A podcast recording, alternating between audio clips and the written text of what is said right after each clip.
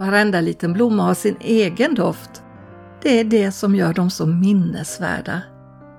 Finns det något mer avslappnande än att sitta under en jasminbuske inbäddad i blomdoften?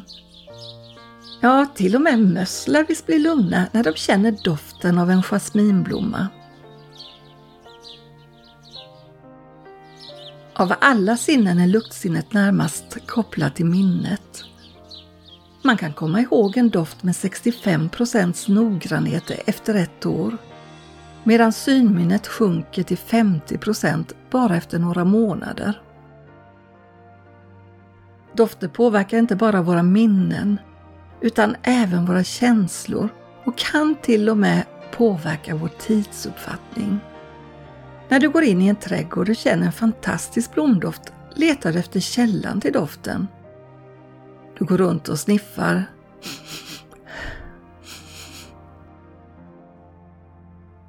Tills du hittar den. Och så tänker du, en sån blomma skulle jag också vilja ha i min trädgård. Har du hört talas om historiens mest välkända oljeflaska? Det är en flaska som det har pratats om i över 2000 år och som innehöll väldoftande nardusolja. Det var en mycket exklusiv olja och kostade nästan en hel årslön. Ägaren till denna välkända och dyrbara flaska hette Maria. Hon bodde i Betania tillsammans med sina syskon Marta och Lazarus. Betania ligger bara några kilometer från Jerusalem Jesus visar stor omsorg om sina vänner i Betania.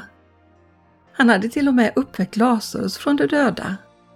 Marta var fixaren och Maria kunde inte få nog av att sitta vid Jesu fötter och lyssna på vad han hade att säga. Och så var det den där dagen strax före påsk. Den sista gången då Jesus var på väg upp till Jerusalem tillsammans med sina lärjungar. Det skulle bjudas på festmat. Känner du dofterna? Nej, maten är ännu inte klar. Helt plötsligt tar Maria fram sin dyrbara olja som har kostat en förmögenhet. Hon smörjer Jesu fötter med oljan och torkar dem med sitt hår. Hela huset fylls med doften av oljan. Judas, som några dagar senare skulle förråda Jesus, tyckte det var slöseri hon kunde väl sålt oljan och gett pengarna till de fattiga. Brydde sig Judas om de fattiga? Nej, inte brydde han sig om dem. Han brukade ta pengarna från kassan när ingen såg honom. Då sa Jesus något som säkert satte griller i huvudet på de andra. Låt henne vara, hon har sparat den för min begravningsdag. Någon dag senare rider Jesus in i Jerusalem på en åsna. Folket hyllade honom med palmblad och ville smörja honom till Israels kung. Men Jesus visste vad som väntade honom. Doften av Marias olja dröjer sig kvar. Hon hade gett Jesus det dyrbaraste hon ägde som en tacksamhetsgåva till honom. När Jesus vandrade omkring på jorden var han de utsatta och undanskuffade människornas vän. Han åt tillsammans med dem som andra såg ner på. Och han korsade kulturella gränser, botade sjuka, upprättade människor. Han visade vad sann kärlek och omsorg är. Och han berättade om Guds rike. Jesus tjänade istället för att låta sig betjänas och vände upp och ner på begreppet om vem som är störst. Den som är ledare ska vara som en tjänare.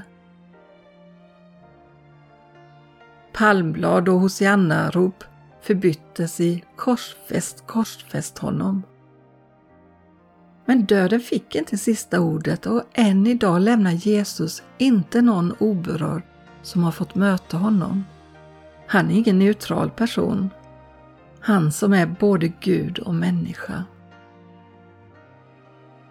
Kommer du ihåg vad jag sa i början? När man känner doften av en blomma i trädgården måste man leta efter källan till doften. Det finns en doft som man inte kan låta bli att utforska varifrån den kommer. Du har kanske varit i ett rum tillsammans med några andra. När en person lämnade rummet så stannade en doft kvar som gjorde avtryck. Något berörde dig på djupet när du träffade en person som omöjligt kunde veta någonting om dig, men vars ord landade djupt in i hjärtat och som du har burit med dig sedan dess. Eller var det kanske någon som lyssnade med ömhet trots att du hade berättat samma sak hundra gånger? Eller så har du suttit vid någons dödsbädd och fått uppleva en frid som du inte riktigt kan sätta fingret på. När du gick in i den tomma kyrkan för att tända ett ljus så fanns det en närvaro som inte gick att förklara. Och kommer du ihåg den där händelsen som bara kan tolkas som ett mirakel?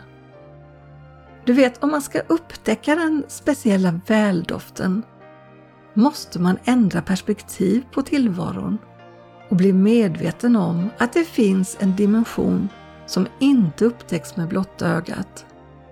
Du vet ögat som bara fäster blicken på det synliga. Paulus skriver i ett av sina brev som finns i Bibeln. Vi tackar Gud som alltid för oss fram i Kristi segertåg och genom oss alltid sprider sin kunskaps väldoft. Och då om du har fått ana något av Guds väldoft så ska du inte nöja dig utan söka efter källan. I hans ord får du upptäcka mer av vem han är. Jesus är segraren i kampen mot allt det mörka och onda i denna tillvaro. Och du, han vill få med dig i sitt segertåg. I have a friend who loves me as I am He is my Lord, my shepherd, I his lamb. Have a friend who wants the best for me.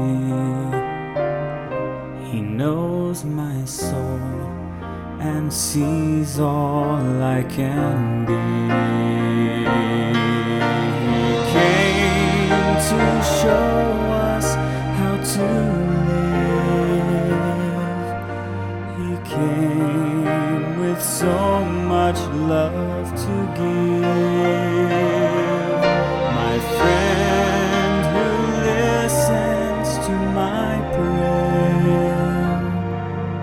my Savior, He is all.